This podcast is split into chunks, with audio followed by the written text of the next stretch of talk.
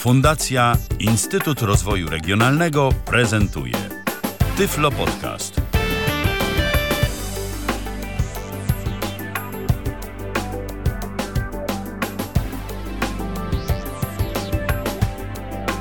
Kalendarzu dziś e, mamy środę, 27 dzień sierpnia 2014 roku. Rozpoczynamy kolejne spotkanie z audycją Tyflo Podcast na żywo na antenie Tyflo Radia. Witam bardzo serdecznie przy mikrofonie Michał Dziwisz, a w dzisiejszej audycji także nie jestem sam, bo dziś audycja prowadzona w duecie. Wspólnie ze mną na łączach jest Magdalena Rutkowska. Witam cię Magdo serdecznie. Ja również ciebie i wszystkich. Dziś porozmawiamy sobie o rzeczach zupełnie nietechnicznych, więc ja już od razu mówię, że w kwestiach nietechnicznych jakoś tak zwykle czuję się powiedziawszy szczerze mniej pewnie, ale postaram się tego specjalnie nie pokazywać. Dziś będziemy mówić o czymś, o czym ja pojęcia nie mam zupełnie, natomiast ty pojęcie masz jak najbardziej, bo do audycji się przygotowywałaś, więc ja będę tylko pytał. A dziś będziemy mówić o czymś, co nazywa się ogrody sensoryczne. Co to jest, to wyjaśnisz za momencik. Zanim e, jednak e, opowiesz nam o tym i o podobnych rzeczach, to ja jeszcze dodam tylko tyle, że nasza dzisiejsza audycja to jest program interaktywny, więc możecie do nas dzwonić. Za momencik uaktywnię nasze łącza. Do waszej dyspozycji jest Skype oraz nasz telefon. Skype to tyflopodcast.net, pisane tyflopodcast.net, a telefon, jeżeli ktoś miałby ochotę do nas zadzwonić tą drogą, to 123 834 830 35 to jest numer telefonu z krakowskiej strefy numeracyjnej, a na Skype oprócz tego, że możecie dzwonić, to możecie także do nas pisać. Ja to, co napiszecie, będę czytał yy, i w ten sposób również możecie zadawać pytania albo po prostu brać głos w dyskusji, bo to nie tylko trzeba pytać, to można także coś dopowiadać. No dobrze, tyle tytułem wstępu. Zatem Magdo, co to takiego właściwie są te ogrody sensoryczne, na czym ta cała rzecz polega? Ogrody sensoryczne, sensualne, bądź też ogrody zmysłów, a nawet jest ogród doświadczeń. E, to są ogrody, w których kładzie się nacisk na działanie na zmysły, no tak jak sama nazwa wskazuje. Ale poza tym, że 80% różnych bodźców jest odbieranych wzrokowo, co no, dla nas osób niewidomych oczywiście odpada, przynajmniej w dużej części. Mm, tutaj kładziemy nacisk na bodźce przekazywane w inny sposób, czyli słuchowe, dotykowe, węchowe, nawet smakowe. Także ten ogród jest bardzo, bardzo mocno rozbudowany. Nie jest oczywiście wyłącznie dla osób niewidomych, dlatego że mogą z niego skorzystać no, osoby starsze, dzieci. Mm, przeróżne są programy, tutaj też później opowiem, w jaki sposób troszkę to wygląda w Wielkiej Brytanii. Ale chciałabym omówić ogrody sensoryczne, które są w Polsce, bo to jest bardzo ciekawa rzecz. Takie tereny są często jakimś danym wyznaczonym obszarem z większego ogrodu botanicznego. Oczywiście taki teren musi być bezpieczny, są odpowiednie rodzaje roślin, które nie stwarzają zagrożenia, ścieżki, po których można się bezpiecznie poruszać, różnego rodzaju udogodnienia dla osób niepełnosprawnych, również tych ruchowo niepełnosprawnych. Połączone często są tego typu miejsca y, z edukacją, ze sztuką, także bardzo, bardzo fajne rzeczy. Również z techniką, bo jest krakowski ogród doświadczeń, w których, w którym na przykład można się zapoznać z przeróżnymi zjawiskami fizycznymi. Są urządzenia, instalacje, które tłumaczą nam wiele, wiele fantastycznych zjawisk fizycznych i tutaj właśnie ta część techniczna, Michał, jest coś dla ciebie bardziej. O, to dobrze, to dobrze. Y, od razu powiem, że ja akurat nie byłam w tego typu ogrodach. Bardziej w drugiej części audycji też chciałam się skoncentrować na ogrodnictwie osób niewidomych i słabowidzących, wyjść od tych ogrodów sensorycznych, no bo nie każdy musi lubić grzebać w ziemi. Może po prostu skorzystać sobie z takiego fajnego miejsca, gdzie są ciekawe rośliny, pięknie pachnące kwiaty, interesujące faktury, liści, kształty, są ciekawe no, dźwięki, są fajne, wkomponowane różnego rodzaju elementy architektoniczne, ale może nie chcieć absolutnie albo nie mieć możliwości wprowadzania tego w życie wokół siebie, prowadzenia własnego ogrodu. Natomiast są też takie możliwości.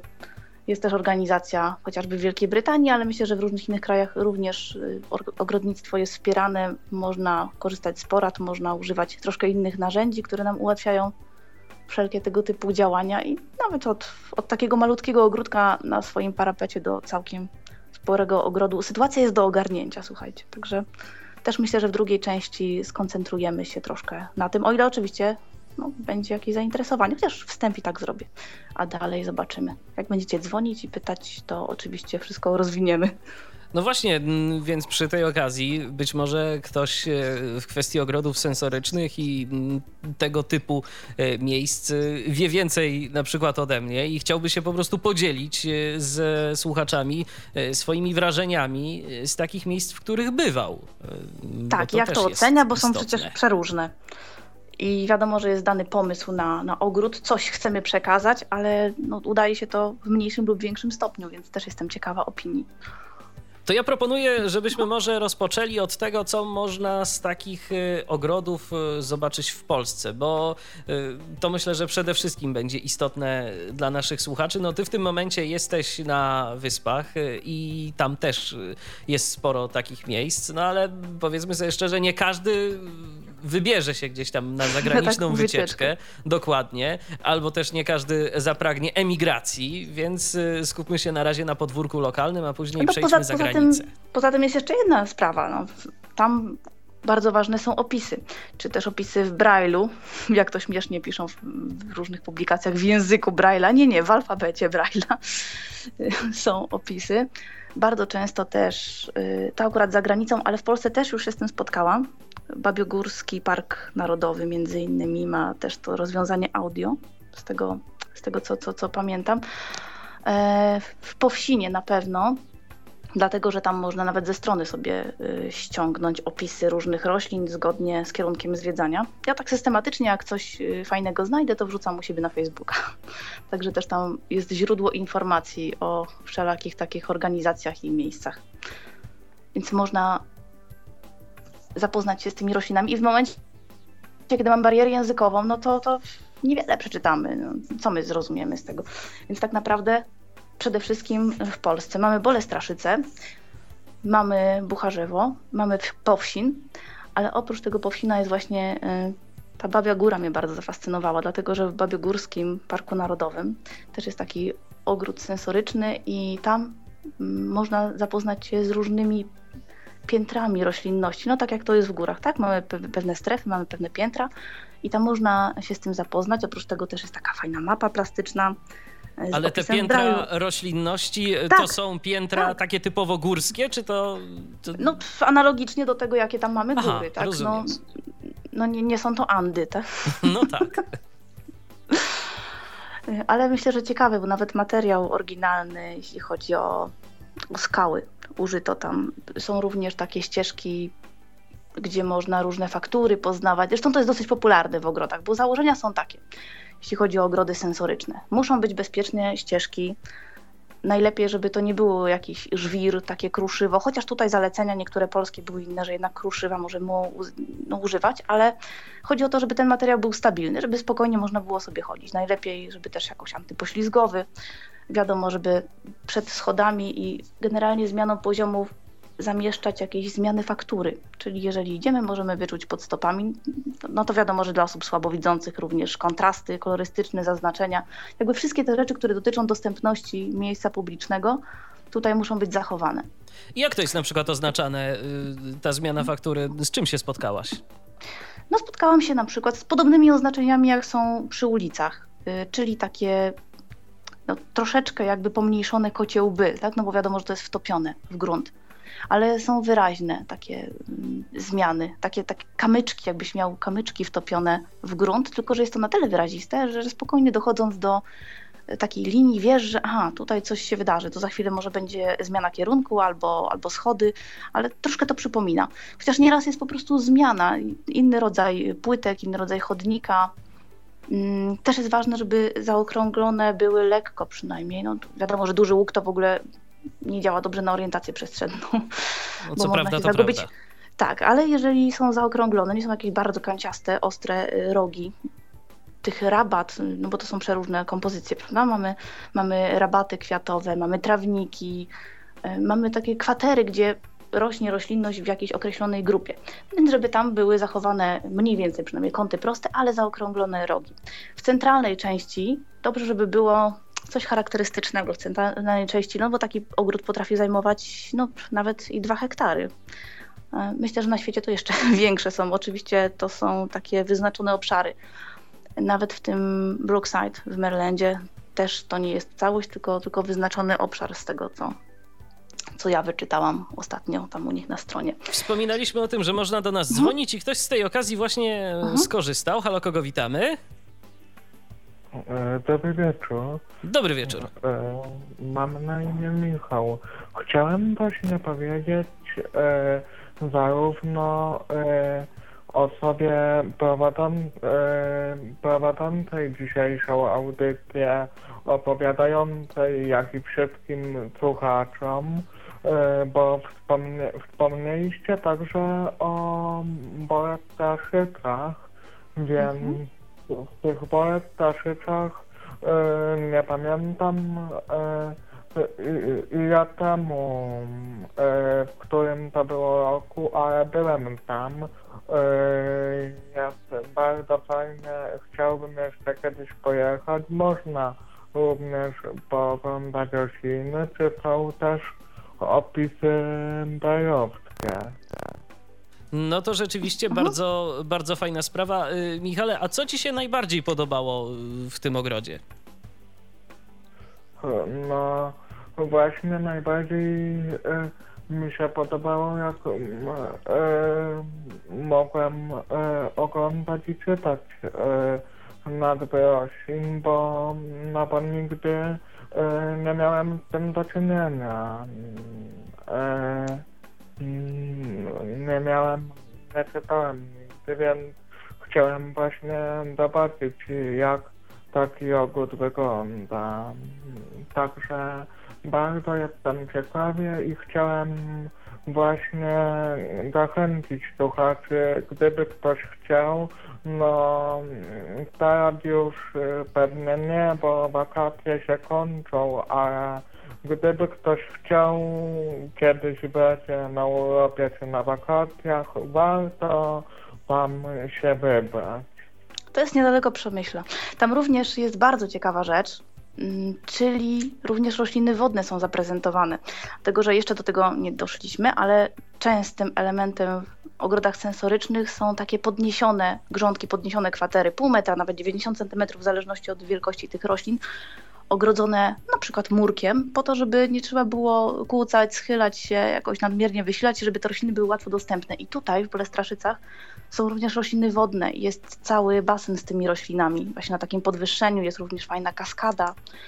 E, jak też połączenie, o czym ja wcześniej wspomniałam, ze sztuką, czyli na przykład różne rzeźby wiklinowe. W 2009 roku był na przykład tam y, słoń z dzwonkami wietrznymi, żeby dodatkowo jeszcze tam dźwięki wydawał. Mówię, no, ciekawe rzeczy, naprawdę fajne, ciekawe rzeczy. Dobrze, w takim razie pozdrawiam wszystkich słuchaczy, dziękuję bardzo i słucham dalej waszej audycji, życzę miłego wieczoru. Dziękujemy Ci bardzo, Michale, za telefon. Do usłyszenia i również miłego wieczoru i przyjemnego odbioru. Jeżeli ktoś jeszcze ma ochotę zabrać głos w dzisiejszej dyskusji mm, i w dzisiejszej audycji dotyczącej ogrodów sensorycznych, to zapraszamy 123 834 835 albo skype tyflopodcast.net, pisane tyflopodcast.net. Można dzwonić, można pisać, szczególnie na Skype'ie. No to wracamy do, do tych ogrodów. Zatrzymaliśmy się na na, na opisie, zatrzymaliśmy się na opisie mm, zmiany podłoża, tak? Tak, tak, ale również inne tam warunki bezpieczeństwa, czyli mhm. na przykład ważne jest, żeby pilnować mm, aby te przeszkody, które są już powyżej pasa, tak przeciętnie, no bo wiadomo, że ludzie są różnego wzrostu, również dzieci korzystają i tak dalej, to wszystko się dostosowuje poszczególnymi też sferami, mm, no, całe ścieżki są edukacyjne, są ogrody są często podzielone na ileś tras, według, albo według zmysłów, albo w jakiś inny sposób są prezentowane rośliny w określonej mm, kolejności i jest to cały szlak zrobiony, cała trasa. Ale ważne, żeby pamiętać, że te przeszkody, gałęzie na przykład wystające, które są powyżej wysokości no, pasa, mogą stanowić zagrożenie, bo człowiek idący z laską niekoniecznie y, może zwrócić na to uwagę. No i zresztą generalnie no, takie zwykłe względy bezpieczeństwa. Ja w tych angielskich materiałach znalazłam taką informację, żeby prześwit miał 2 metry, a idealnie 3 metry, tak żeby można było spokojnie przejść taką ścieżką, jeżeli, jeżeli są jakieś przeszkody wyższe. Jako prześwit I... rozumiemy po prostu taką szerokość ścieżki, tak, tak, gdzie nie tak. mamy żadnej przeszkody na żadnej wysokości. Tak, tak samo wszystkie rzeczy, które są mm, no, takie udogodnienia w ogrodzie, czyli jakieś elementy latarnie, ławeczki, na których można sobie usiąść i odpocząć. Raz, żeby były w kontrastowych kolorach, a dwa, żeby nie były na, na trasie, tylko w niszach, żeby było oczywiście łatwo dostępne, ale no, nie, nie stanowiły przeszkody gdzieś tam na środku. Oczywiście no, schody z poręczami, pochylnie z poręczami. Często te poręcze są nawet troszkę wysunięte poza, poza schody i znów tutaj zróżnicowanie w materiałach polskich i angielskich, bo w angielskich są za, zalecane poręcze wzdłuż trasy, żeby po prostu można było sobie iść po tej poręczy. A jeżeli nie da się tego ze względów na przykład estetycznych zrealizować, żeby krawężnik miał 10 cm. Y, a w polskich materiałach nie ma zalecenia poręczy jako takich y, no, wzdłuż ekspozycji, tak? a krawężnik 4-5 cm, więc są podobieństwa, ale i rozbieżności. Ja myślę, że, że to jest troszkę płynne i w zależności od tego, jakie są konkretne potrzeby, to się zmienia. A skoro powiedziałaś o polskich materiałach, kto w ogóle wydaje takie materiały dotyczące mm, zasad projektowania takich ogrodów? Gdzie się w ogóle z takimi wytycznymi można zapoznać? Czy to jest tak, że każdy ogród sobie no, sam ustala, chociaż no w zasadzie to wtedy to nie byłyby wytyczne, tylko jakaś taka totalna samowolka? Czy to po prostu jest jakaś, nie wiem, jakaś instytucja, która. Ja myślę, która że na lubelskim, lubelskim Uniwersytecie Przyrodniczym, tak? Było, było coś takiego wydawane wcześniej, pamiętam. E, tak samo wiem, że konsultacje były szerokie. Marek Jakubowski między innymi uczestniczył w powstawaniu wszystkich tych trzech ogrodów sensorycznych. I myślę, że cała grupa niewidomych, przecież ludzie byli też zaangażowani w to, żeby robić chociażby opisy w Braille'u, który na przykład, o i tutaj słuchajcie, ciekawostka, mm, no porównanie takie, ale być może to będzie interesujące dla kogoś, bo ja się śmiałam właśnie wczoraj Michał, napisałam do Ciebie w tej sprawie. Oficjalne zalecenia były dotyczące powstawania, um, utrzymywania takich ogrodów sensorycznych i dotyczyło to informacji, czyli przede wszystkim oczywiście informacje audio, informacje drukiem powiększonym. Braille'a prawie nikt nie zna, więc nie ma sensu produkować takich informacji. No można oczywiście na własną rękę, ale to też umieszczanie tego typu opisów przy, mm, przy stanowiskach, przy tych rabatkach jest problematyczne, bo, no bo na przykład jak za blisko ziemi, to się ziemią może pobrudzić. A, i to mój ulubiony cytat, większość osób z dużą wadą wzroku bez problemu czyta druk powiększony. Zwłaszcza z dużą wadą wzroku. No pięknie po prostu. I to było fantastyczne. Otóż na przykład ja sobie zupełnie nie poradzę z takim drukiem powiększonym. Wolałabym opis w Braille, ale rozwiązania z wersją audio też myślę, że są ciekawe. Tylko w momencie, kiedy mamy zwrócić uwagę na większy odbiór słuchowy, no to tutaj może nam troszeczkę to zaburzać. Ale jest to jakieś rozwiązanie. Myślę, że spokojnie. Natomiast ja bym nie rezygnowała z tego Braille'a. Braille jednak jest, jest dobry, a poza tym, jeżeli sobie stoimy koło roślinki i oglądamy na spokojnie, patrzymy jakie ma liście, czy są mechate, czy są skórzaste, jaka, jaki jest kształt, jaka faktura, jakie unerwienie, jakie są kwiaty. No, to jest fajne, interesujące nieraz. Naprawdę bardzo bardzo przyjemny zapach jest tych liści. Tak? Zresztą pod tym kątem też są rośliny dobierane, żeby zapach był przyjemny. Są całe zielniki, ale przecież inne rośliny też pięknie pachną. My znamy orzechy włoskie, ale samo drzewo jak fantastycznie pachnie, zapach liści. Ja uwielbiam na przykład. Nie mogą tam się znajdować rośliny kolczaste, nie mogą się znajdować rośliny, które mają ciernie, które są kłujące albo też trujące. Tak? Wszystkie te, które mają trujące owoce, czy wydzielają sok mogący podrażnić skórę, no to te, te rośliny są eliminowane żeby nie stanowiły zagrożenia. Tak samo jak iglaki, no raczej nie kłujący świerk, a mechata tuja, żeby komuś krzywdy nie zrobić. Ale mimo wszystko i tak można wybierać, myślę, z bardzo, bardzo wielu gatunków wszelakich roślin i, i kwiatów, i ziół, i krzewów, drzew. No i też y, jeszcze taka jedna dosyć istotna rzecz, tak y, mi się wydaje, zresztą ty o tym mhm. wspominałaś, kiedy przygotowywaliśmy się do tej audycji, że takie rośliny powinny być dosyć odporne na to, y, jak się je dotyka, że niektóre są bardzo wrażliwe, no to takie roślinki po prostu zbyt długo chyba nie przeżyją w takim mhm. ogrodzie, kiedy przejdzie tam jakiś taki, jakaś wycieczka na przykład szkolna. Czasem, czasem nawet jest to zamierzony efekt i te rośliny się regularnie wymienia, na przykład w pojemnikach są wystawiane które są przeznaczone do zrywania, do, do spożycia jak najbardziej.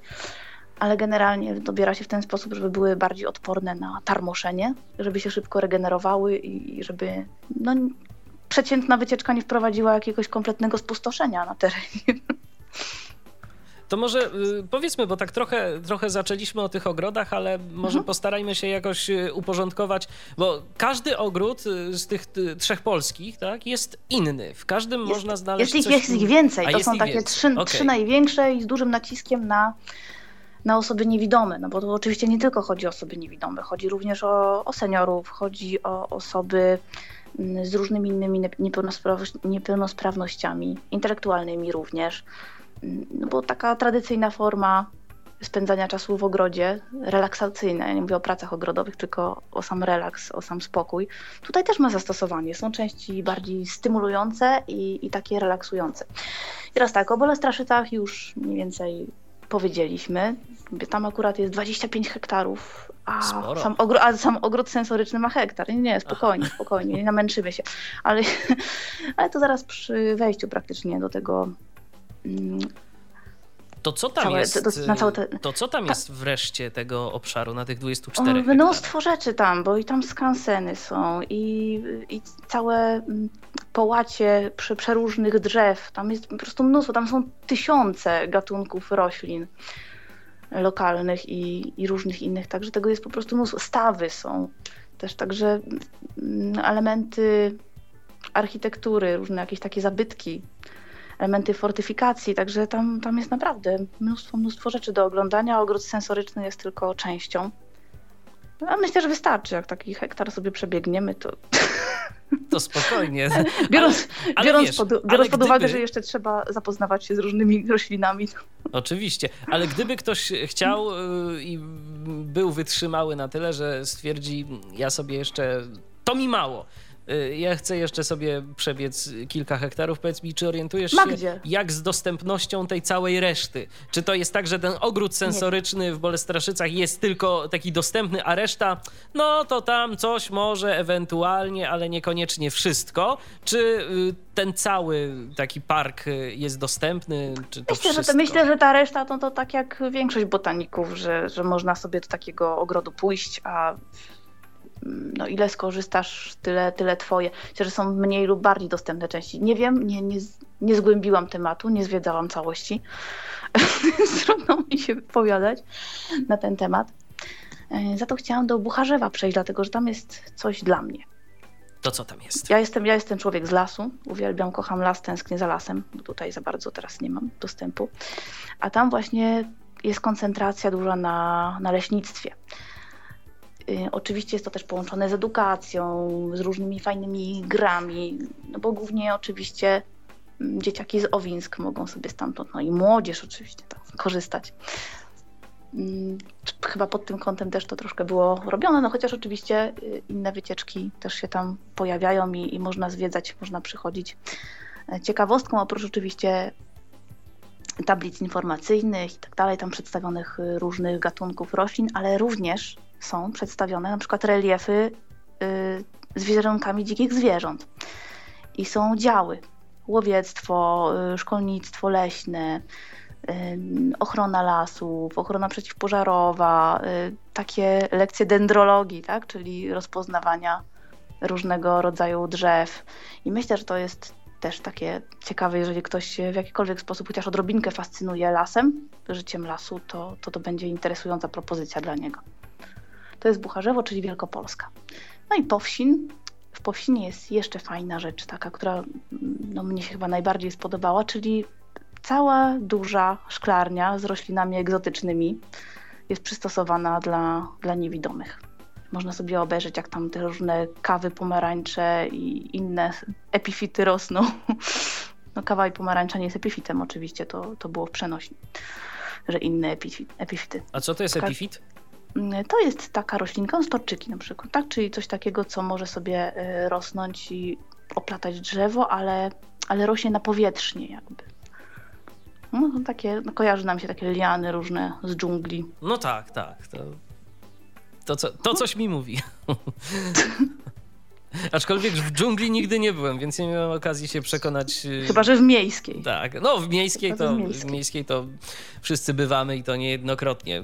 Niekoniecznie jest to przyjemne, ale kiedyś, mhm. kiedyś gdzieś tak y, słyszałem, że w miejskiej dżungli można się łatwo orientować po tym, że anteny satelitarne rosną od południa czy tam od północy, ale w każdym razie na którymś konkretnym, e, na którejś konkretnej, po którejś konkretnej stronie świata. O tak. Po tej odwrotnej niż mech. Także tak, tak. Jeżeli to miało być południe oczywiście. No, cał, całkiem, całkiem być może. Natomiast mhm. wiesz, mnie jeszcze interesuje e, to, jeżeli chodzi w ogóle o te, o te ogrody sensoryczne, bo wspomnieliśmy o tym, że można sobie powiedzmy, no podotykać, to już wiadomo. Mhm. Dla osób niewidomych to z pewnością będzie niezła frajda, żeby sobie w jednym miejscu zobaczyć jakąś tam dużą ilość y, roślin. E, ale jak to jest z tymi pozostałymi e, mm, zmysłami, no, które my mamy do dyspozycji, więc y, mamy, mamy jeszcze... mocno rozwinięte ja bym raczej powiedział, że po prostu no, siłą rzeczy nam się, nam się mhm. musiały rozwinąć. Wyostrzyło. Tak, mhm. wyostrzyć i nauczyliśmy się z nich korzystać, bo teraz nie chciałbym, żebyśmy, wiesz, żeśmy w żaden sposób y, powtarzali mitu, jakoby osoby niewidome... Niewidome miały tak, jakieś tam mają, nadzmysłowe. Tak, nadzmysłowe, bo jeszcze nie daj Boże ktoś w to uwierzy, a to jest, a to jest proszę Państwa nieprawda. Jeżeli w tym momencie słuchają nas y, także jakieś osoby widzące, które no, tak sobie być może te audycje włączyły zupełnie przez przypadek,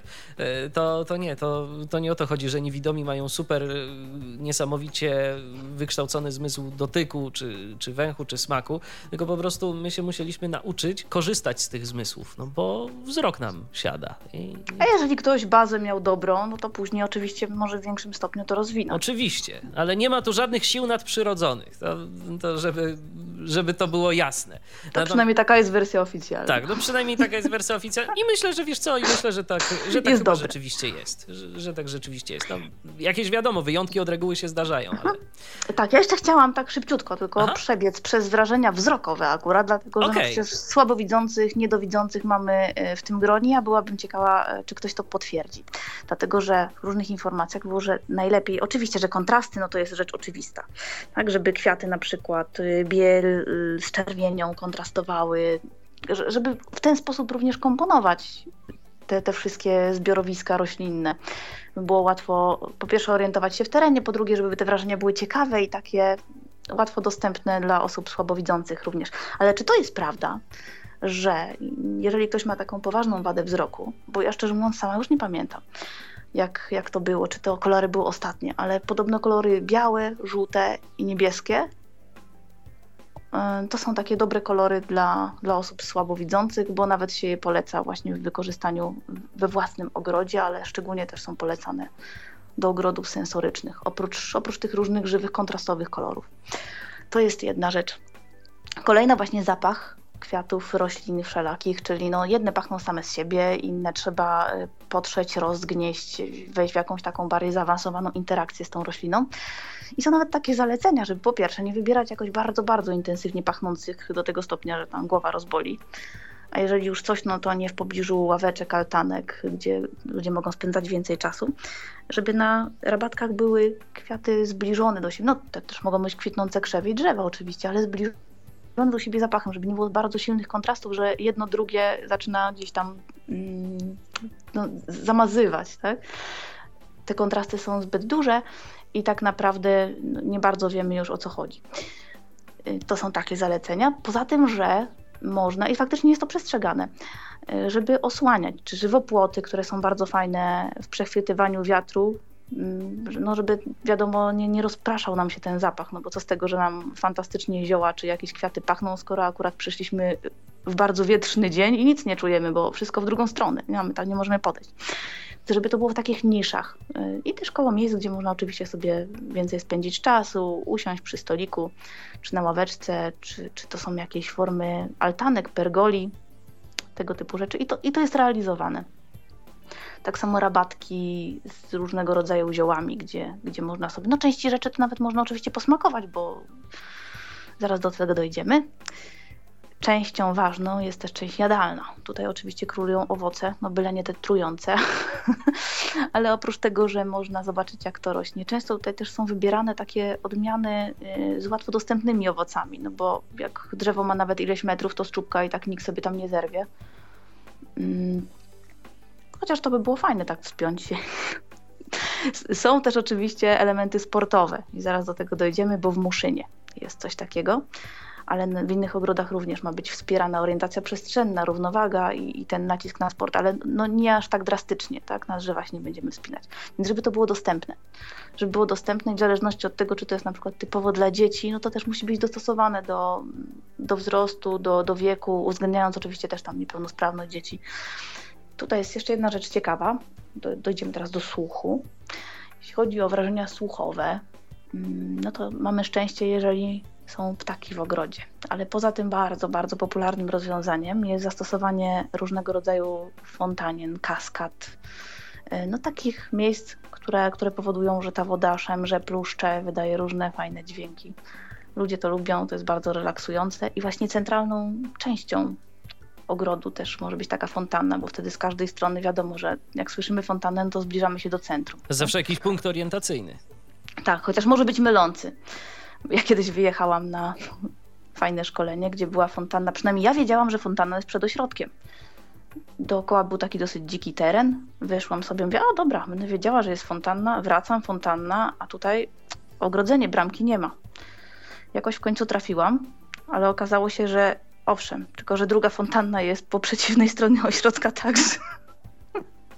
No to rzeczywiście. Były po prostu dwie. Mo może mylić. punkt orientacyjny wtedy już był niestety nie do użytku. Przynajmniej no, póki nie opanowałam trasy.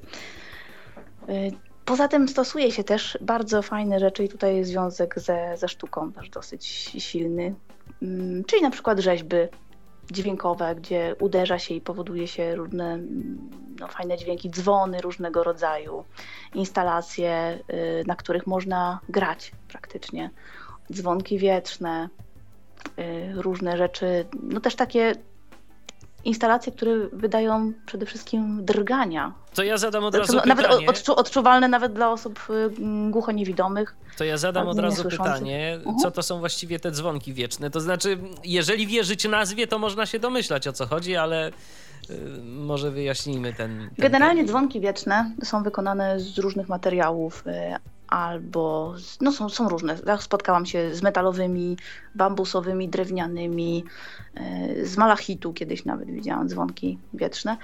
Mm, to, to jest taka konstrukcja wieloelementowa, przeważnie rurki chociaż są też inne elementy. Klasycznie są to rurki, jest na przykład ich 5, 7, ileś. Na sznureczkach jest to podwieszone i w momencie, kiedy wieje wiatr, porusza nam tą całą konstrukcją i to wydaje dźwięki. W zależności od tego, jaki to jest materiał, no to te dźwięki są albo bardziej dzwoniące, albo takie no, delikatne. W przypadku bambusowych dzwonków jest, jest to bardzo delikatne mniej drażniące, ale te, te klasyczne, takie srebrzyste też są bardzo przyjemne w odbiorze. No to rzeczywiście, to kolejny taki y, efekt działający tym razem na, na nasz słuch. Y. Wspominałaś też y, o tych y, kwestiach y, smakowych, owoce, mhm. to na pewno. Coś tam jeszcze takiego ciekawego można, można spotkać? Jakieś, nie wiem, może jakieś bardziej niekonwencjonalne elementy, jakieś może listki jadalne są z czegoś? Tak, oczywiście, zioła są jadalne rzeczy. jak najbardziej, niektóre kwiaty są również jadalne, nie zapominajmy o tym, że, że można niektóre kwiaty jeść. I to wcale nie jeden raz w życiu? Nie, nie, nie, to, to takich rzeczy to by nam tam nie zaproponowali. Mm, spokojnie można spożywać i na co dzień zresztą też. No może nie są zawsze łatwo dostępne, ale kiedy byłam mała na przykład, wiem, popularnie zwana akacją, tak, rubinia akacjowa, ma bardzo smaczne te wnętrza. Nie wiem, czy ktoś próbował, ale... Ja nie próbowałem.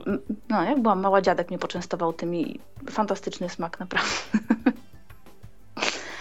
Y, ale na sturcie są jadalne. Jest, jest cały szereg kwiatów jadalnych, które spokojnie można sobie zastosować w kuchni i nawet przyozdabiać tym posiłki, więc to jest też ciekawe. Ale oczywiście zioła, zioła, które możemy wykorzystywać w kuchni, często ludzie nie znają, dlatego że kupują już gotowe mieszanki, sposoby na kostki rosołowe i inne tego typu rzeczy. i nawet nie wiedzą, co w skład tego wchodzi. No chyba, że przeczytają, ale nadal nie są w stanie rozróżnić poszczególnych ziół, a to jest ciekawe. Ja na przykład mam ogródek ziołowy swój własny i, i bardzo to cenię. I o wiele, o wiele jest to smaczniejsze. Nawet samo już podlewanie, pielęgnacja, zrywanie tych roślinek to już jest super sprawa. I o tym dziś na pewno też sobie porozmawiamy, też. tak, w drugiej części naszej dzisiejszej audycji. Natomiast e, przejdźmy może teraz do tych kwestii związanych ze no, powiedziałaś sportem, tak? Czyli Aha. z jakimś tam ruchem, z jakąś aktywnością fizyczną, która nie polega tylko i wyłącznie na zwiedzaniu, ale wspomniałaś o tym, że również i na to są te ogrody nastawione, więc y, co tam można spotkać takiego, co trochę część nas zmobi zmobilizuje do tego, żeby się poruszać? Część jest nastawiona, część w mniejszym stopniu, w zależności gdzie coś takiego się znajduje. Ale na przykład Muszyna zrobiła całą strefę zdrowia w swoim ogrodzie, gdzie na przykład są różnego rodzaju urządzenia do, do ćwiczeń. Akurat no, no może mniej takie hardkorowe, bo to jest z nastawieniem na, na osoby starsze i, i, też z podkreśleniem tego, że z tej części można obserwować już inne fragmenty ogrodu, piękne kwiaty i tak dalej, ale, ale jest to podkreślane. Tak samo y, w tych różnych wytycznych często spotyka się no, funkcję, żeby ogród sensoryczny oprócz tego, że nas wzbogaca, sprawia przyjemność, ma taki walor edukacyjny, ale też żeby pozytywnie wpływał na orientację przestrzenną, na równowagę, pomagał w rozwoju, w przełamywaniu różnego rodzaju swoich barier, na jakimś takim własnym rozwoju, również jak najbardziej sportowym, więc mogą się pojawić. Często można naturalne elementy terenu wykorzystać, po których no, w sposób bezpieczny można się wspinać, wchodzić sobie no, żeby to było w ramach zwiedzania, jakby już na szlaku, tak? że, że nie tylko, że idziemy sobie alejką, uwiesimy się na kimś albo na barierce i tak idziemy, idziemy, już 50 roślina nas kompletnie znudziła, tylko żeby to było interesujące. Różne faktury, różne zadania, które uczestnik ma po drodze y, do, no, no też takie przeszkody do pokonania. Tak? Żeby w tym momencie można było sobie w jakiś inny sposób urozmaicić i, I, faktycznie są tego typu y, rzeczy. Chociaż chyba tutaj w tym wypadku nie robili tego wyjątkowo jakoś z naciskiem na, na niewidomych. Nie spotkałam się z tym, żeby przynajmniej w Polsce, może, może gdzieś coś takiego jest. Myślę, że tutaj bardziej ten krakowski mm, wynalazek, czyli właśnie ogród doświadczeń, który tak naprawdę, i tutaj wracamy do, do historii, y, skąd się w ogóle wzięła ta, ta idea tak, ogrodów sensorycznych. Dlatego, że to wcale nie jest taka znowu bardzo nowa rzecz. To się nie urodziło wczoraj, tylko 100 lat temu. Mm. Niemiecki uczony, pedagog, filozof, psycholog, matematyk, ale również pasjonat, y, który budował różne urządzenia edukacyjne, takie, takie fajne zabawki. Y, Hugo Kuckelhaus, 1924 roku już w Norymberdze zainstalował pierwsze urządzenia w, no, w takim przestrzeni, w przestrzeni parku miejskiego po prostu. Chciał połączyć przyjemność przebywania ludzi na, na łonie natury tak, z edukacją. I, I, w taki sposób to zrobił. I wtedy był tak naprawdę pierwszy pomysł powstania takiego ogrodu, który jest no, no, rozwojowy. Że nie tylko miejsce relaksu, że akurat tylko się przechadzamy, ale żebyśmy jeszcze coś z tego dodatkowo mieli. A kojarzysz Chociaż... może albo czytałaś e, coś mhm. o tym, jakie to były urządzenia, jakichś tam No niestety, niestety nie. Wyczytałam że, że, wyczytałam, że po jego śmierci yy, jego przyjaciele robili różne objazdowe wystawy tych, tych urządzeń, a później w latach 90. już na stałe jakby została ta ekspozycja tam umieszczona i na ten wzór jakby zapatrywali się twórcy krakowskiego ogrodu doświadczeń. Więc przypuszczam, że to, to może być coś w podobie. A w krakowskim ogrodzie doświadczeń jest, no tam jest sporo, dlatego że tam jest chyba ponad 60 różnego rodzaju urządzeń, mm, czyli przede wszystkim y, mechanika, optyka, akustyka. Fajne rzeczy są. Można oczywiście wejść na stronę, poczytać sobie opis i, i każde poszczególne te urządzenia, no na przykład jak pytałeś o dźwięk, są dzwony rurowe, dzwony rurowe, jeżeli komuś się kojarzy z muzyką Mike'a Oldfielda, to dobrze mu się kojarzy. No właśnie. To, to, ta, to właśnie o to chodzi. Y, różnego rodzaju pochylnie, Fajne rzeczy. Naprawdę myślę, że fajne rzeczy sama chętnie zwiedzę, jeżeli tylko będę w pobliżu. Przedtem nie wiedziałam, że coś takiego jest. Y, czy podobną rzecz y, dobrze kojarzę, ale można to tak trochę porównać do tego, co zrobili w Warszawie pod nazwą Centrum Nauki Kopernik? Też mi się tak skojarzyło. Właśnie Też mi się tak skojarzyło. Podobne, ale z tego co mhm. wiem, bo y, swego czasu y, nasz redakcyjny kolega Michał Kasperczak y, przeprowadził wywiad z ludźmi z Centrum Nauki Kopernik na jednej z konferencji Reha for the Blind in Poland. Y, no i oni mówili akurat, że specjalnie dla osób niewidomych nie mają tam przygotowanych jakichś doświadczeń, ale że część tych rzeczy, która tam jest i tych doświadczeń, które Y, można zrealizować, to, to spokojnie jest dostępna z samej swojej natury, y, jeżeli na przykład dotyczą dźwięku. Mhm. Tam też jest sporo rzeczy w Krakowie dotyczących dźwięku, ale na przykład też jest ścieżka z różnego rodzaju fakturami. Nawet takie zalecenie dla osób widzących, żeby najpierw sobie przeszły e, gołymi stopami po tej ścieżce, e, a później drugi raz z zamkniętymi oczami porównali wrażenia no i oczywiście przy okazji całe wytłumaczenie dlaczego, dlaczego takie, a nie inne zjawisko, dlaczego te wrażenia nam się zmieniają, sposób no, doświadczenia, postrzegania i tak dalej. Ja myślę, że to, to jest fajne, można oczywiście tam sobie zarezerwować miejsce, są wycieczki, są różnego rodzaju imprezy. Jest rzeczywiście ciekawa, ciekawa sprawa.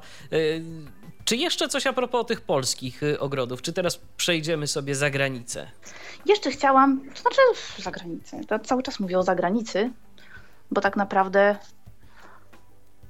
to, to wszystko jest w zależności od miejsca, tak? Każdy jest inny. Musiałabym zwiedzić każdy ogród, żeby jakieś porównanie wam dać. Tak? Jeżeli ja mogę tylko poczytać, no to tak naprawdę. A miałaś jest... okazję w ogóle zwiedzać coś y, w miejscu, gdzie obecnie jesteś? Coś, coś w, miejscu, w miejscu, gdzie obecnie jestem, choć to jest śmieszna rzecz, bo Mm, jak czytałam o tych ogrodach sensorycznych, to doszłam do wniosku, że niedaleko mnie coś takiego jest, co de facto okazało się w ogóle czymś innym. To jest zwykły park jednej z tutejszych lady. Kiedyś to była własność, w tej chwili jest to park głównie różany, piękny ogród, ale są alejki. No niezgodnie z tym angielskim standardem mm, ogrodów sensorycznych y, nie ma tam twardej nawierzchni w większości wypadków, bo częściowo jest, ale w większości wypadków nie, tylko jest żwir, ale uważam, że bardzo stabilny, świetnie się po tym chodzi.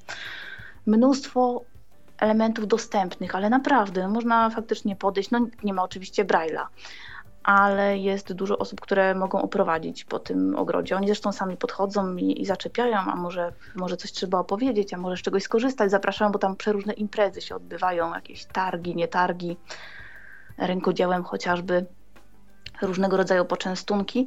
I tak naprawdę ja myślę, że, że to spełniałoby spokojnie kryteria, gdyby jeszcze te oznaczenia były lepsze, czyli jakiś właśnie audioprzewodnik. No, poza tym spokojnie można tam sobie z psem wejść, nawet niekoniecznie przewodnikiem, ale, ale normalnie. Są szerokie alejki, jest dostęp do poszczególnych y, rodzajów kwiatów. Można naprawdę no, no, prawie, że się położyć w tych kwiatach. Ja zresztą takie zdjęcia posiadam. Również wspinanie się na drzewa jest wskazane. Y, I, I generalnie te przestrzenie mam wrażenie, że tutaj są takie mocno przyjazne, że, że można wszędzie wejść. Na trawniku ludzie leżą, robią sobie piknik. To jest popularna forma spędzenia czasu, więc też troszeczkę inną funkcję pewnie tutaj to pełni mm, niż, niż w Polsce, gdzie no w ogrodzie botanicznym, nie wszędzie oczywiście, ale generalnie tak nam się to kojarzy, że idziemy alejką, obserwujemy, podziwiamy i, i tyle, tak? Od bramy do bramy. Tutaj to troszkę inaczej wygląda, bo przyjeżdżają rodziny no, wielodzietne, tak? Więc te dzieci by się wynudziły, one muszą mieć też chwilę wytchnienia, to wszystko musi być tam jakoś odpowiednio zabezpieczone, więc tak naprawdę ja myślę, że, że więcej tego typu miejsc jest, nawet jeżeli nie są certyfikowane i, i nie jakoś szczególnie były robione pod tym kątem. Chociaż oczywiście ta największa organizacja Sensory Trust, która promuje ogrody sensoryczne, która ma przeróżne programy, na przykład w jaki sposób osoby z demencją, osoby z Alzheimerem mogą skorzystać właśnie z, do, z dobrodziejstw tego typu y, ogrodów. Mm, mówię, oni doradzają, również uczą ludzi, w jaki sposób mogą, i to tak całkowicie od podstaw, od tego, jaki mają teren, co chcą zrobić, żeby uwzględnić, y, kto będzie zwiedzał, w jakich porach będzie, czy jest potrzebne oświetlenie, czy są potrzebne y, miejsca wypoczynku, w jakiej ilości. Dosłownie takie bardzo, bardzo szczegółowe są mm, poradnictwa, też jest cały wykaz roślin, podzielone na kategorie. Rośliny, które są niebezpieczne, które są trujące, no i które trzeba tam wykluczyć, a jakie są z kolei zalecane i w zależności od tego, do jakiej grupy odbiorców, więc oni, oni robią naprawdę kawał dobrej roboty, myślę. Mm, dlatego, że takie wszystko to jest usystematyzowane i, i myślę, że każdy, kto chciałby chociażby troszkę przy, przystosować tę swoją przestrzeń może. W Irlandii Północnej jest też taki ogród. Jeszcze w nim nie byłam, bo nie, nie udało mi się go wcześniej wykryć. Ale wiem, że powstał. Największy oczywiście jest yy, w królewskich yy, ogrodach botanicznym, w królewskim ogrodzie botanicznym, no ale to już na głównej wyspie, to, to nie na mojej.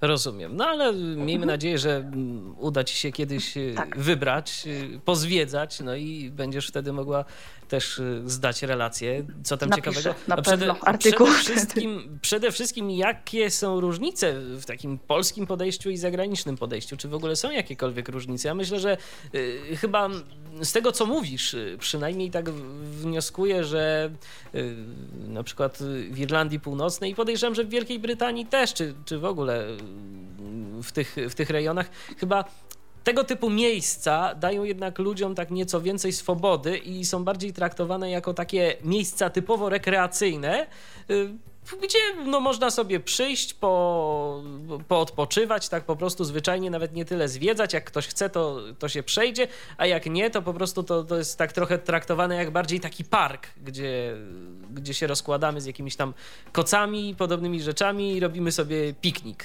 taki niedzielny na przykład. Tak, inaczej jest ta przestrzeń publiczna traktowana. Troszkę w Polsce już też całe szczęście jest to wprowadzane, zresztą o, na przykład y, w Powsinie są organizowane bardzo fajne. Myślę, że to bardzo, bardzo dobra inicjatywa.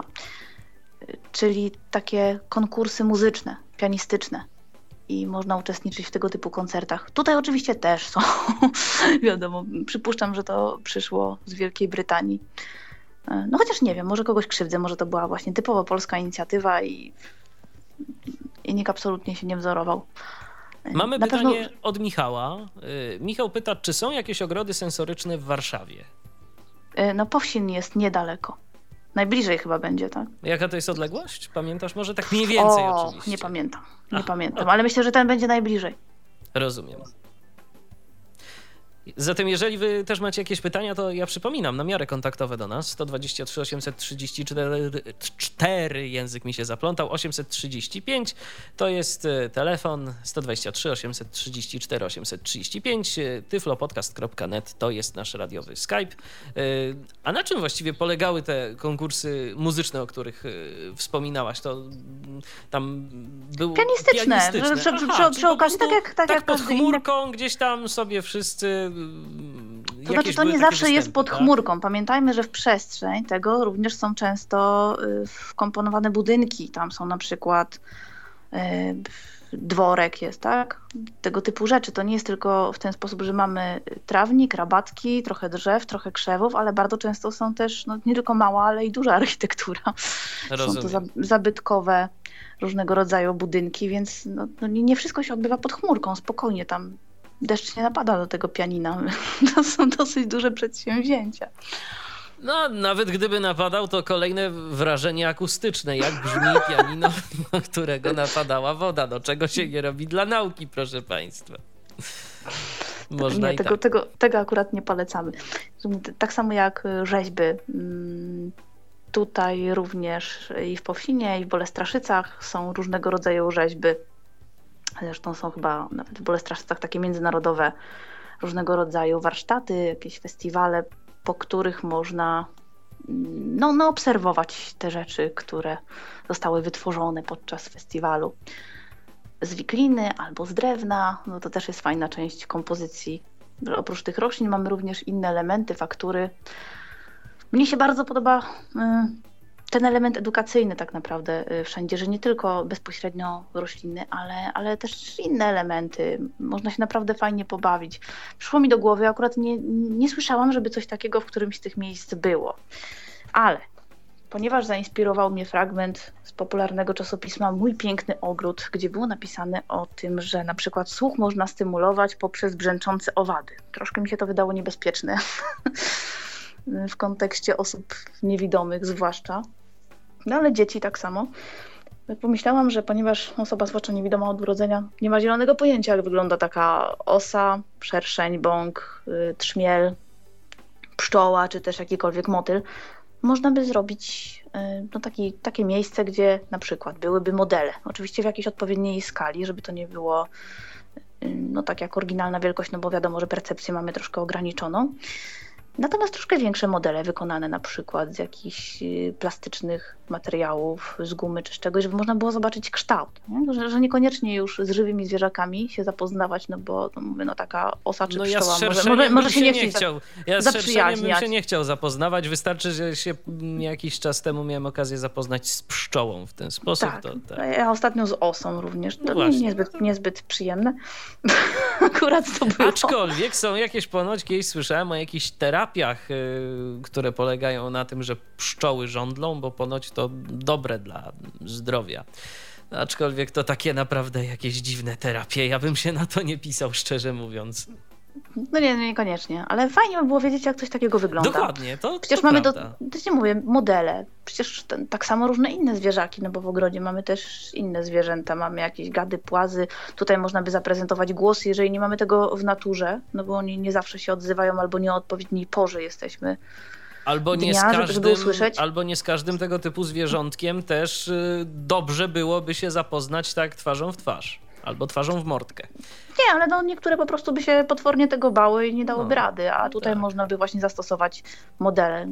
Fajne, fajne jest to, że na przykład właśnie w Bucharzewie zastosowano te reliefy i myślę, że wszelkiego rodzaju tego typu rozwiązania tak przybliżają, dosyć mocno przybliżają, bo tutaj możemy, co możemy w naturze zobaczyć, to możemy, ale niektóre inne rzeczy za pomocą właśnie tyflografiki, różnego rodzaju makiet też, też da się tam jakoś przyswoić i myślę, że to jest Aczkolwiek, rzecz. aczkolwiek nie wiem, czy się ze mną zgodzisz, y, ale ja szczerze mówiąc, to najchętniej widziałbym jakby dwa modele. Mhm. Jeden taki rzeczywiście taki malutki, y, jak to zwierzę, czy jak ten owad wygląda w swojej naturalnej skali, a drugi większy, bo tak mi się przynajmniej wydaje. Ja myślę, że zdecydowanie większy, dlatego że no, co, nam, zdecydowanie co nam przyjdzie z takiego modelu mrówki no, w oryginalnej no, skali. Nie, no, model mrówki to rzeczywiście to, to jakoś niewiele, ale jakiś taki powiedzmy no, model pszczoły, czy takiego sze- szerszenia y, w naturalnej skali, no to można byłoby już sobie zobaczyć. I... Myślę, że, że większe, że większe, bo To- wtedy można jeszcze fakturę, no przecież tak, masz rację, ale mi chodzi jakby, mi chodzi jakby o, o, o dwa modele w tym momencie, że jeden bierzemy sobie do ręki Aha. i widzimy, o takie to jest duże, no bo też nie, nawet osoba niewidoma, jeżeli jej nie zaatakuje coś takiego, To nawet nie zdaje to sobie nawet sprawy, sobie tak. nie zdaje sprawy. No a wiadomo, no, tego typu owady to, to nie jest coś, co koniecznie na atak czego chcielibyśmy się narażać, tylko po to, żeby poznać, jak to, jak to właściwie wygląda, jakie to jest duże. Więc, Tak, nie, nie szukamy kontaktu. tak, nie szukamy kontaktu, oczywiście. Jak coś, jak coś bzyczy, to, to uciekamy e, zazwyczaj. Ale generalnie rzecz biorąc, fajnie by było zobaczyć to w naturalnej wielkości i jeszcze dodatkowo taki model większy, żeby można sobie już faktycznie było zobaczyć, jaka jest, e, nie wiem, jak wyglądają skrzydła takiego owada, czy jak wygląda ta, jakiś tam pancerz, albo, albo podobne rzeczy, żeby sobie to już można było, tak, no tak jak pod mikroskopem, tak? Czasem sobie można niektóre rzeczy zobaczyć. Tak, no bo to są różne faktury, mówię, ale to są właśnie takie przestrzenie, te, te Mhm. ogrody sensoryczne, to są tak naprawdę przestrzenie do wszelakiego rodzaju eksperymentów, związanych i z nauką, i, i z przyrodą, i ze sztuką. Więc tak naprawdę to, o czym mówimy, to jest pewna baza, a na tej bazie można tworzyć fantastyczne rzeczy. I, i dlatego tak mnie chyba to zainteresowało. Ale ja bym chciała, żebyśmy jeszcze sobie przeszli. No oczywiście tam są w Berlinie, tak, w Budapeszcie, w Wiedniu są tego typu rozwiązania, mm, na czym zresztą Polacy również y, bazowali. Ale chciałam, żebyśmy przeszli jednak troszkę do tego ogrodnictwa osób niewidomych. Dobrze, to wiesz co, to ja No. proponuję, żebyśmy teraz zagrali sobie jakąś piosenkę, zrobili sobie chwilę oddechu i wrócili do naszych słuchaczy z kolejnym tematem już za chwileczkę. Mhm. To ja jeszcze tylko przypomnę namiary do nas. Jeżeli ktoś ma ochotę zadzwonić, to nie krępujcie się, tylko dzwońcie. 123 834 835 to jest nasz telefon, tyflopodcast.net, pisane tyflopodcast.net to jest nasz radiowy Skype. Przypomnę, że dziś e, z Magdą Rutkowską rozmawiamy na temat ogrodów sensorycznych. To już w zasadzie ten temat wyczerpaliśmy, a za momencik przejdziemy sobie do ogrodnictwa osób niewidomych. To już za chwilę, teraz odrobina muzyki. To jest Tyflo Podcast. Pierwszy polski podcast dla niewidomych i słabowidzących. Powracamy do Was e, z naszym dzisiejszym tematem. E, teraz e, w drugiej części naszego dzisiejszego programu słów kilka o ogrodnictwie osób niewidomych. No, jak to właściwie Magda, Albowiem da się. Albowiem da się, no właśnie, więc teraz ja chciałem zapytać, jak to właściwie z tym jest. No, ja akurat mam tu jakiegoś kaktusa w doniczce na parapecie, bo kaktus to jest roślina mało wymagająca i mało wody pije. I nie trzeba tego zbyt często podlewać. To właśnie zakończyłem swoje przemyślenia na temat ogrodnictwa. ogrodnictwa? tak. Czyli jesteś y, początkującym po prostu. Tak, tak, tak sobie początkuję od jakichś czterech lat. No, wiesz, każdy musi nabrać rozpędu w odpowiednim czasie. Oczywiście. A że kaktus jeszcze żyje, to dobrze się zapowiada. To dobrze świadczy o kaktusie, tak? Tak, to dobrze świadczy o kaktusie.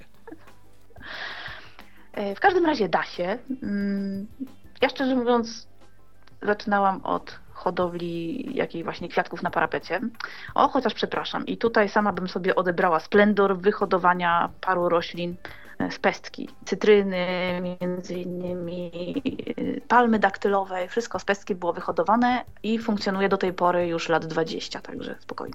No to pogratulować. Jakieś też miałem, no. takie, jakieś też miałem takie zapędy w wieku jakichś, nie wiem, chyba 6-7 lat. Yy, I nawet mi się udało wyhodować jakieś takie krzaczek mandarynkowy albo pomarańczowy. Nie pamiętam już teraz, co to nawet było, ale miało to nawet listki, yy, tylko że się niestety w pewnym momencie złamało pod wpływem swojego własnego ciężaru. No i tyle było z tego krzaczka. No, moja cytryn, cytryna nawet owocowała, a palma daktylowa nawet zakwitła. Także no, to nie ma tego złego, ale to dopiero po, po długim, długim, długim czasie, zwłaszcza ta daktylówka. I istotne, bo to było wszystko takie na parapecie. Później była faza ogródka czarownicy, czyli że ja chcę mieć zioła, które będę sobie uprawiać i stosować w kuchni, no bo przede wszystkim to było takie przeznaczenie. A, a tak naprawdę tutaj troszkę się te moje rozwi zainteresowania rozwinęły. Okazało się zresztą, że tutaj jest też taka organizacja Thrive, która zajmuje się właśnie ogrodnictwem osób słabowidzących i niewidomych już od ponad 30 lat. I takie moje podstawowe przemyślenia, czyli na przykład jak wykopać prosto rowek, w którym zasiejemy nasiona, albo no, no, no, takie, takie banalne rzeczy. Mówię, kurczę, jak sobie z tym poradzić?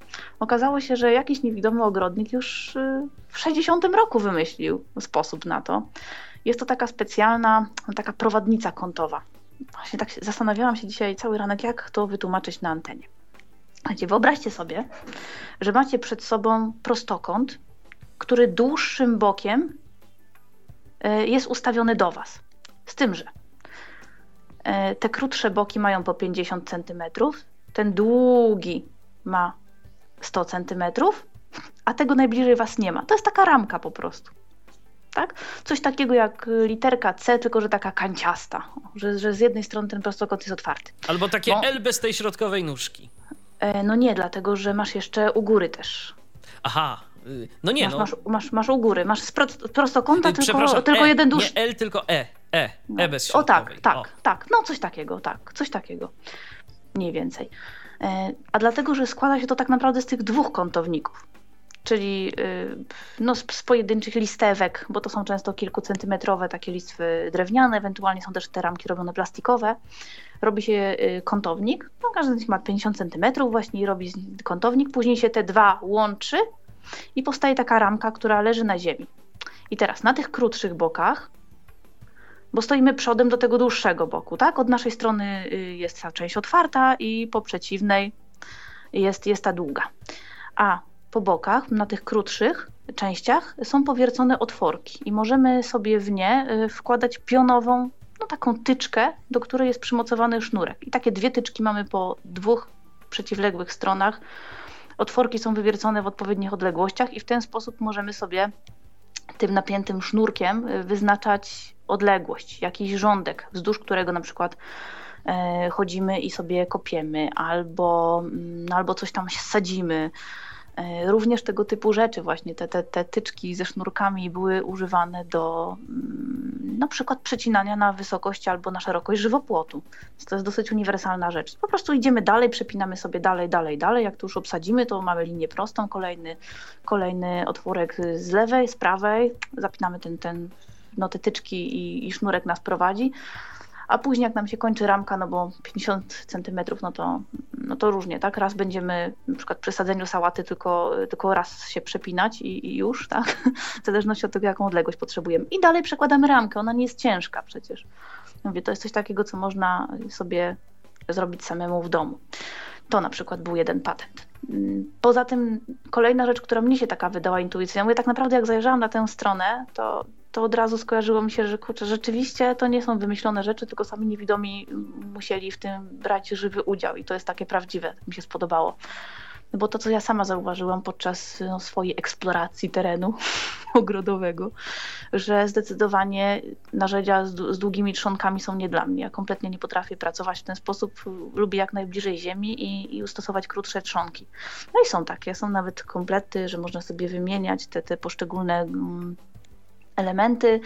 Są oczywiście rozwiązania teleskopowe i tak dalej, z różnego rodzaju chwytami, bo w zależności od tego, czy ktoś ma silne ręce, czy nie, może sobie na przykład zastosować coś takiego, co, co jest dłuższym elementem i y, nawet przed ramię tutaj możemy oprzeć praktycznie, tak, że mamy lepszą dźwignię w tym momencie i nie nadwrażam nad, nadgarstka. Y, oni też próbują nakolanniki albo też takie sprytne, fajne klęczniki, coś co jest jednocześnie klęcznikiem, ale może być też stołeczkiem, w zależności od tego, jak to sobie wykorzystamy. No po to, żeby mieć właśnie ten, ten zakres pracy jak najlepiej tutaj zorganizowany. E, co jeszcze? No oczywiście sposoby różne na to, w jaki sposób odróżnić e, chwasty od sadzonek. No, na przykład. No, tak, takie rzeczy właściwie wydawałoby się logiczne. Tak? Czyli jeżeli sobie wcześniej rozsadzimy tutaj dosyć popularne są, y, w ogóle w samym UK, ale myślę, że w Polsce też, też to widziałam w centrach ogrodniczych. Takie pojemniki, o troszkę to wygląda jak, y, jak pudełko po bombonierce, po czekoladkach, czyli ma różnego, no, no różnej wielkości zagłębienia. No? I tych komórek w środku jest tam różnie 10, 24, 50, w zależności od tego, jaki, jaki model sobie tej tacki z otworkami wybierzemy. Y, I to są zagłębienia, gdzie oczywiście sypie się ziemię, kompost i wysiewa się roślinki, po czym te sadzonki można już przenosić sobie do, czy do pojemników, czy bezpośrednio do gruntu, w zależności od tego, czy też hodujemy coś w pojemnikach, czy, czy mamy bezpośrednio grządkę y, po prostu w ziemi bo te rozwiązania oczywiście też są różne. A jeżeli już mamy taką większą sadzonkę, no to wiadomo, że wszystko co urośnie, a, a będzie mniejsze, no to nie pomylimy się i na pewno wyrwiemy chwasty, a nie nasze sadzonki, bo one po prostu już są fizycznie większe i, i szybciej rosną, tak? Bo to polega na tym, że my tego nie wyjmujemy z tych pudełek, tylko jakby wkładamy z tymi pudełkami razem, tak? Do, nie, do... nie, nie, niekoniecznie, no właśnie nie, ale na początku chodzi o to, żebyś nie siał nasionka i potem się zastanawiał, czy to, co wyrosło, to jest to, co z tego nasionka, tylko yy, czy to czasem nie jest jakiś chwaścior, który powinien być usunięty, bo inaczej nasza cała plantacja się niestety nie uda. ale chodzi o to, że przesadzasz, przesadzasz te roślinki. I do przesadzania roślinek też są zresztą ciekawe różnego rodzaju narzędzia, na przykład takie, które się wkłada w, w ziemię i ono wycina ci konkretny kawałek ziemi, że taki otworek zostaje, w który tylko sobie tam wkładasz sadzonkę. Na przykład. No. O, to też jest dosyć, dosyć wygodne, dosyć wygodne. Tak samo jak promują i to jest też moim zdaniem rozsądne.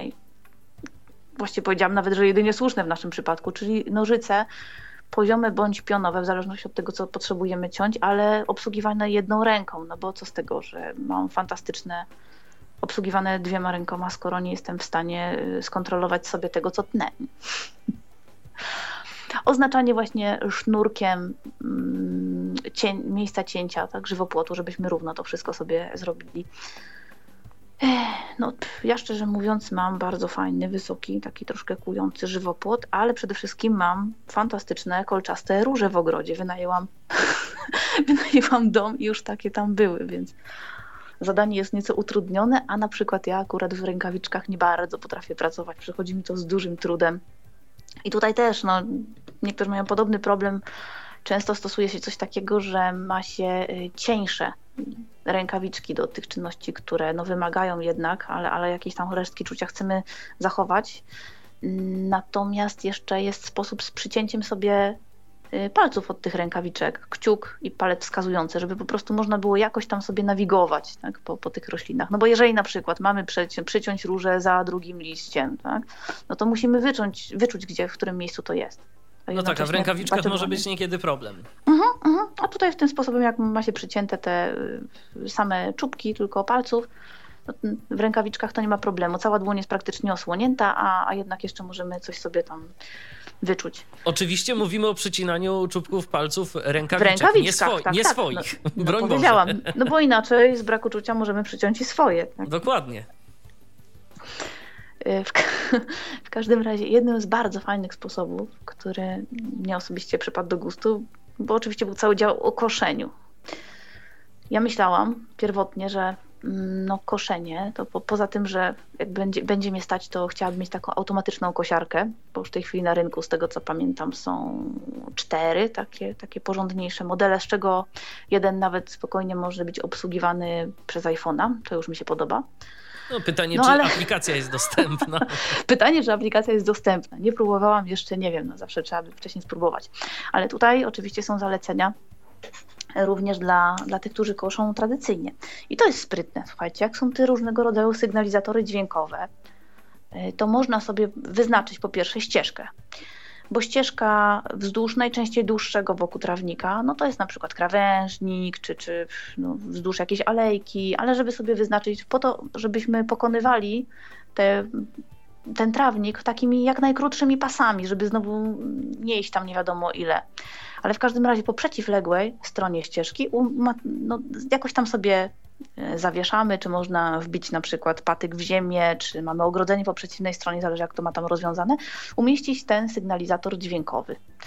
To, to jest na pewno do nabycia, bo i w Polsce jest i tutaj tak samo RNIB to rozprowadza, więc można sobie.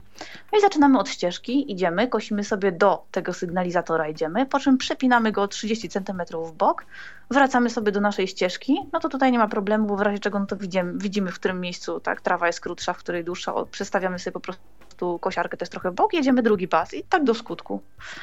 Fantastycznie ktoś to wymyślił, bo szczerze mówiąc sama tak wcześniej się zastanawiałam, w jaki sposób to rozwiązać, żeby nie łazić chaotycznie, no bo jak się idzie w linii prostej po niewidomemu, to jednak no, no znam osoby, które potrafią idealną linię prostą przez wiele, wiele, wiele metrów uz- na przykład utrzymać, ale ja nie potrafię. No.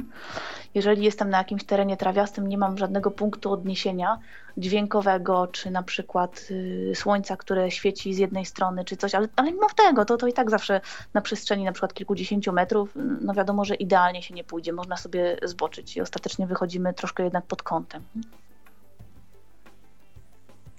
To się zgadza. Y, Jeszcze jakieś wskazówki y, poza, poza koszeniem? No co tam jeszcze mamy w ogrodzie? Co, co No Sa- oczywiście, no, sadzimy, tak, sadzimy, zbieramy później ewentualnie coś, no ale ze zbieraniem to chyba wielkich problemów nie będzie.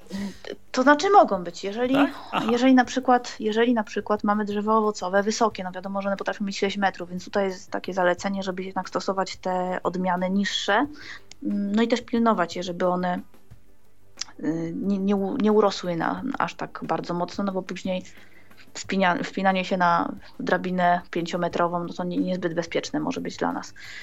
Y, Stąd tutaj ewentualnie tego typu zalecenie jest. Mhm. Są też, są też takie fajne rzeczy, które ułatwiają nam sianie, mm, czyli na przykład coś w podobie strzykawki. To jest takie urządzonko, które obsługuje nasionka do 2 mm.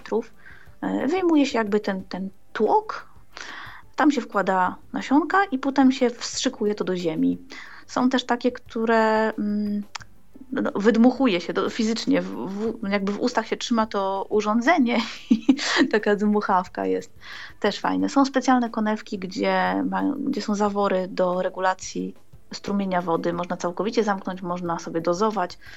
Mm, Oczywiście z tym krótszym, dłuższym dzióbkiem, w zależności od tego, jakie mamy tam plantacje. Mm, Oczywiście też są praktyczne te kwatery podniesione, tak grządka, która jest troszkę wyżej, żebyśmy mieli łatwiej, a poza tym no, wtedy łatwiej dbać o, o czystość tej grządki chociażby. Takie grządki to się na jakichś stelażach montuje, czy, czy, czy po prostu się jakiś kopczyk Często. z ziemi sypie i tyle? Często na stelażach albo przynajmniej trzeba z boku umocnić to za pomocą desek, czy no, no niekoniecznie jakiś murek, no bo, no bo to może na przykład podnieść koszty, ale no oczywiście też. Ale przynajmniej, żeby było odeskowane i oczywiście jest odpowiednio tam wzmacniane, no bo cała też struktura y, gleby musi być zachowana też tam dodatkowo nieraz E, wykłada się jakąś korą, no w zależności od tego, jakie rośliny będziemy tam trzymać. Pojemniki jako takie też są popularne, nawet specjalne e, wózki do podnoszenia i przenoszenia tych pojemników po to, żeby samemu się nie szarpać z taką donicą, no bo to jednak jak się nałoży ziemi i jakaś większa roślina tam sobie rośnie, no to może przekraczać i nasz, nasz własny ciężar, tak, więc niekoniecznie. Mówię, fajne rzeczy. Ja z kolei odkryłam tutaj też fajne rzeczy, ale w Polsce jak najbardziej też są dostępne, więc można korzystać. Mówię, to jest coś na wzór naszych kiedyś takich słynnych tuneli, jak na, na działkach pracowniczych były tunele i tam się hodowało różne y, pomidory, sałatę i tak dalej. To tu jest coś w podobie, dlatego że konstrukcja jest co prawda aluminiowa i są tam w środku półeczki. No, u nas się greenhouse nazywa. Y, I to, to jest właśnie taki namiot zapinany na ekspres większy, mniejszy, są całkiem malutkie, takie, takie prawie że domowe, że można gdzieś tam sobie w domu postawić, ale są takie, że spokojnie dwie trzy osoby wejdą do środka. Półki są na wielu poziomach, różnej y, no, szerokości, głębokości i tam można ustawiać skrzynki również oczywiście w tym namiocie na podłodze. Raz, że to zabezpiecza, jest wyższa temperatura, zabezpiecza przed nadmierną i, i ucieczką wilgoci, a w, w, moim klimacie to raczej przed nadmiernym padaniem. No ja pamiętam, no. ja pamiętam jeszcze y, właśnie z, gdzieś tam z czasów dzieciństwa te tak zwane folie, to tam y, jak się wchodziło, to było aż duszno od, od tej wilgoci mhm. i, i, tego, i tego zapachu, bo tam mi to się przede wszystkim z pomidorami kojarzy. Jak wchodziło się do tej z pomidorami, folii, to, tak, to, to buchał w nos, taki po prostu zapach, y, zapach tych pomidorów. No, dlatego, dlatego też trzeba uchylać to, że, żeby nie było cały czas zamknięte, bo jednak te roślinki się zaparzą. Ale myślę, że jest to fajne, zwłaszcza dla początkujących, którzy no, nie, nie bardzo by chcieli tam gdzieś w terenie albo na przykład wstydzą się, że ktoś będzie na nich patrzył nieżyczliwie bądź w jakiś ciekawski sposób więc można sobie taką hodowlę uskutecznić. To myślę, że nawet na balkonie by się sprawdziło coś takiego. Byłoby zabezpieczone przed ewentualnym deszczem, a, a spokojnie już można sobie ustawiać w taki jakiś uporządkowany sposób te doniczki bądź skrzynki. To się zgadza.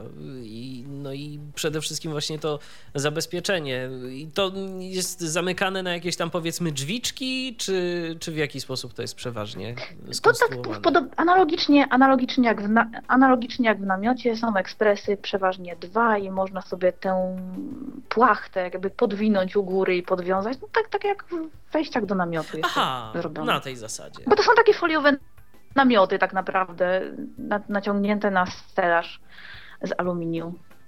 No to tak poopowiadaliśmy. Przeważnie z aluminium. Poopowiadaliśmy no. trochę o teorii, co można, jakie rzeczy można robić, jeżeli chodzi o ogrodnictwo. Przedstawiłaś trochę, trochę sposobów, a teraz może opowiedz Magdo praktycznie, bo ty też przecież coś tam sobie hodujesz na, na własne potrzeby. I jak ty masz to rozwiązane? Właśnie, właśnie taki greenhouse, czy, czy coś innego? Tak, tak, tak. Większość, jeżeli, jeżeli chodzi o zioła, to tak, dlatego że Akurat w tym roku się przeprowadziłam e, znów dwa miesiące temu i trafiłam na piękny, różany, kwitnący ogród. E, a poza tym, no to nie, niewiele tutaj już było do zdziałania. Stwierdziłam, dobra, przenoszę i tak doniczki z poprzedniego miejsca, część dokupimy i, i ten greenhouse w tym momencie będzie najlepszym rozwiązaniem, żeby jeszcze do jesieni faktycznie pocieszyć się tymi roślinkami. Zwłaszcza, że mówię, to zabezpiecza przed nadmiernym padaniem, a taka szałwia w obecnych warunkach tutaj prawie mi się zniszczyła niestety, jak ją postawiłam gdzieś na zewnątrz. Bo ona jednak potrzebuje odprowadzenia tej wody, a nie takiego nadmiaru, jak tutaj potrafiło nieraz. My takim się śmiejemy, że kiedy tutaj pada intensywnie deszcz, to lepiej głowy nie podnosić, bo człowiek się utopi. Więc mniej więcej tak to wygląda. Y, samo, chyba, chyba tak naprawdę rzeczy, które są najcięższe, no to jest takie to kopanie w ziemi, no, no bo wiadomo i praca fizyczna, chociaż są też takie fajne urządzonka, które mm, za pomocą no częściowo mm, skręcania, wypychania tej ziemi, jakby wzruszają tę ziemię, więc jeżeli chodzi o na przykład takie napowietrzenie, po prostu przegarnięcie, spulchnienie, no to jeszcze można sobie poradzić. Y, mówię, co do sadzonek też można w inny sposób, no ale czasem po prostu fizycznie trzeba coś sobie ukopać i to może być problematyczne. Ludzie też się nieraz boją kontaktu z tą fauną, mm, typu dżdżownice czy inne robaczki. To nie jest aż tak często spotykane, myślę, jak trochę, trochę demonizujemy y, czasami. Nie, nie zauważyłam, żeby jakoś specjalnie Zawsze można ta fa sobie- fauna atakowała, czy w Polsce, Zawsze można tutaj. sobie uzbierać i iść na ryby. Na przykład, jeżeli ktoś tam akurat sta, zwłaszcza nad morze bądź ocean z, tak, No, no z tak, ogródka. no to nie, no to wtedy to, to, to można sobie powiedzieć, oj, niedobry rekin. nie do... Michał, to ja nie wiedziałam, że taka y, ryba u mnie tutaj pływa, ale skoro... Ja też nie, tak sobie, tak sobie skojarzyłem. Albo, jaki, albo, jakieś inne, albo jakieś inne duże stworzenie z, z morza. No, szczerze mówiąc, nie wiem, co tam, co tam u ciebie pływa, ale może ostatnio... Reki, rekiny chyba nie, przynajmniej jeszcze nie, ale klimat się zmienia. No właśnie, to... to Tak czy inaczej będą bezpieczne. Ja jestem wegetarianką, nie będę na nie polowała. Także Okej, spokojnie no to- mogą sobie pływać. Myślę, że będzie wszystko w porządku. Mówię, bardzo mi przykro, że nie dzwonicie, że nie dzielicie się swoimi doświadczeniami. Ja wiem, że część osób słabowidzących, niewidomych też sobie tam coś dłubie w ogródku, przycinają, hodują, przesadzają. I fajnie było, żeby się podzielili tą informacją, a nie chcą. Mamy jakąś wiadomość od y, Tomasza, więc może tutaj Tomasz się z nami czymś będzie chciał podzielić. O, mm, mamy, mamy pytanie od Tomasza. Witam, ja mam pytanie, jak poradzić sobie z przeglądaniem owoców, czy nie zamieszkuje w nich jakiś robaczek, którego później możemy skonsumować wraz z owocem? O, takie I pytanie. tu, mi, I tu mi się przypomina y, słynny żart, co jest gorsze od robaka w jabłku? Pół robaka w jabłku. No na to niestety za bardzo sposobu nie ma. To znaczy ja na przykład rozdubuję takie rzeczy jak śliwki i jeżeli one tam gdzieś do przetwórstwa mm, idą na ciasto czy na coś innego i po prostu fizycznie staram się to y, sprawdzić. No ale ryzyko zawsze istnieje. Niestety. Jeżeli zwłaszcza nie robimy oprysków, a, a, z tym różnie bywa, zresztą też nie daje stuprocentowej gwarancji. Zresztą akurat tego bym nie polecała osobom niewidomym, raczej lepiej kogoś poprosić, kto, kto będzie miał większe panowanie nad tym. Yy, Myślę, że, że bez przesady nie musimy wszystkiego stuprocentowo yy, sami wykonywać. Więc niestety nie mamy takiego detektora robactwa do owoców. Jeszcze nie wymyślono. Więc po prostu trzeba takie jabłko czy śliwkę jakoś tam przekroić i zobaczyć, co jest w środku. No często można na przykład palcami w śliwce albo w czereśni to można było wyczuć, jeżeli się dotknęło tego miąższu wewnątrz, no to było, no i często oczywiście też są jakieś uszkodzenia na zewnątrz, no to, to powinno być tak naprawdę No tak, jeżeli jest jeżeli mamy jakąś, dziurka- jakaś dziurka, tak, no to, to, to jest pierwszą wskazówką, ale to nie zawsze jest takie stuprocentowo pewne, tak. Nieraz jest w ten sposób, że, że nie, nie jest ta dziurka wyczuwalna, a, a robaszek jednak sobie tam w środku siedzi, egzystuje.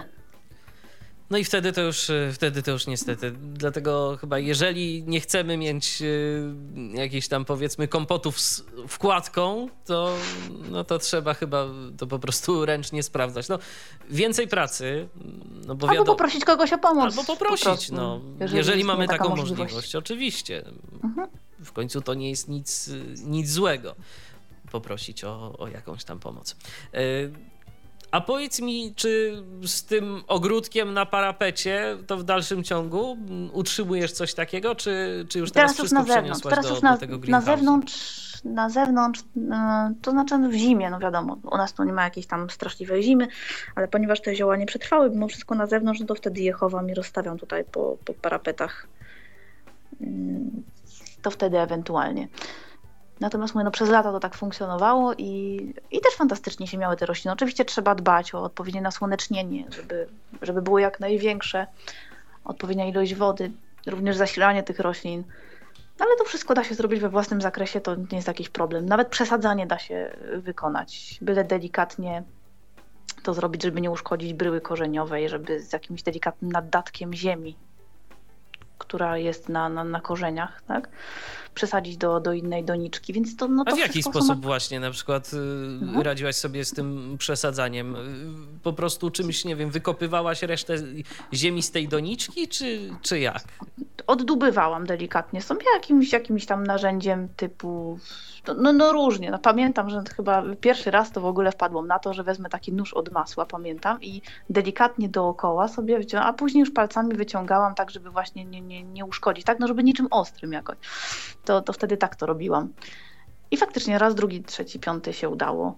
Mm, no, no, potem to już jakoś tak, w zależności od tego też jaka to jest gleba, bo często jak kupujemy na przykład coś, y, nie jest to mm, nasza sadzonka, nie jest jakaś gliniasta gleba, tylko kupujemy coś, na przykład w markecie, tak? często tam są sadzonki ziół, no to ta, ta ziemia jest taka, że tak naprawdę pod, delikatnie podważymy palcami, podniesiemy roślinę i już cała wyjdzie. Zresztą tej ziemi jest tak niedużo, że równie dobrze możemy y, przesadzić tak jak jest, tylko delikatnie otrzepać z, z nadmiaru i, i, przesadzić do czegoś innego, to już w ogóle nie ma z tym żadnego problemu. No bo ja teraz zadam takie bardzo ignoranckie pytania. Właściwie no. po co się przesadza? To jest po to, że gleba, w której jest jakieś, jakaś roślinka, ona się nam wyjałowi w pewnym momencie, straci te wartości odżywcze i trzeba jej dorzucić coś nowego? Czy dlatego, że nam to się rozrasta? Gdzieś korzeń tak. nam rośnie i no, doniczkę a... może rozsadzić? Michał, a powiedz mi, czy nosisz teraz taki sam rozmiar butów, jaki nosiłeś, kiedy miałeś rok?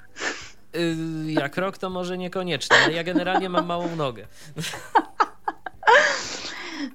To, oczywiście no, roślina roz, rozrasta się, jej korzenie też się rozrastają, potrzebuje więcej przestrzeni. Zresztą jeżeli na przykład sadzimy sobie żywopłot, planujemy, czy, czy w ogóle jakąkolwiek grządkę, no to musimy od razu poczytać y, i, i przemyśleć, żeby zbyt gęsto te rośliny nie rosły, bo inaczej później będzie trzeba robić tak zwane przerywanie, tak? czyli część tych roślin po prostu fizycznie wyrwać, bo inaczej no, całość się nie uda. Wzajemnie będą sobie zabierać światło, wzajemnie będą się dusić, jak to się mówi. I no, nic z tego nie wyjdzie, więc trzeba pilnować tych przestrzeni, ale tak samo pojedyncza roślina potrzebuje ziemi. Po pierwsze, że ona się również oczywiście wyjaławia. Po drugie, że odpowiedni poziom wilgotności musi być.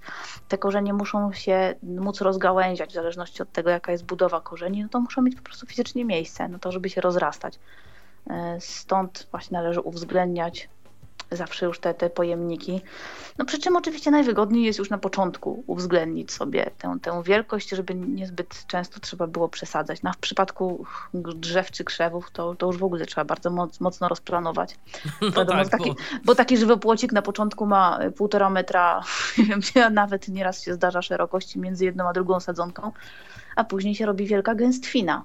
I, początkujący, zwłaszcza ogrodnicy, mają tendencję do sadzenia gęści, a bo tak jakoś dziwnie wygląda takie łyse pole, a później się z tego naprawdę robi gęsta dżungla. I jest dopiero kłopot. Później nawet nie tylko żywopłot, a żywomór. Żywomór taki. Tak, jak nam się to wszystko zagęści. Ale to jest fajna rzecz, zwłaszcza w tych regionach, gdzie na przykład y, wieje mocno, tak jak u mnie. Żywopłot ma tę tendencję, że łapie wiatr, ale tak rozprasza.